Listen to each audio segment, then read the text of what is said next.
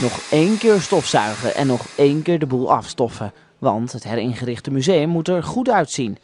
De zalen van het gebouw deden vroeger dienst als waag, gevangenis en stadhuis. Maar zijn nu geheel gewijd aan de 80-jarige oorlog. Dit is de zaal die we eigenlijk zijn gaan noemen de 1 aprilzaal. Hier wordt het thema 1 april 1572 uitgebeeld en toegelicht. Een heel belangrijk moment omdat Brielle toen uh, werd ingenomen door de watergeuzen, blijvend.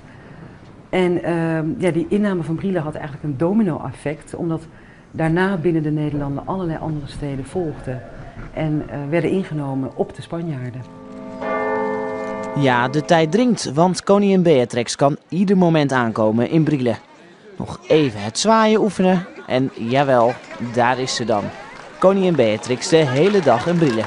Maar eerst even snel het museum in. Is de ruimte waar we de Republiek deel 1, eigenlijk van 1588 tot... De conservator van het museum geeft een rondleiding aan de koningin over hoe de 80-jarige oorlog is uitgebeeld in het museum. Na enkele schilderijtjes te hebben bekeken, komt ze toch echt tot de volgende conclusie over de mannen uit die tijd. Zwaar van William Vrezen, et cetera. Net als die mensen, de kracht die mensen hadden, door iets te hanteren. En. En dat koningin Beatrix zelf ook spierballen heeft, dat laat ze zien tijdens de officiële opening in de Sint-Katharijnenkerk.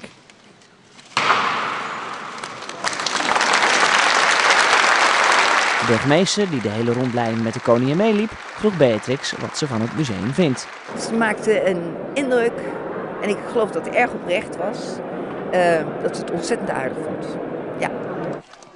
En toen ging iedereen weer met een goed gevoel naar huis.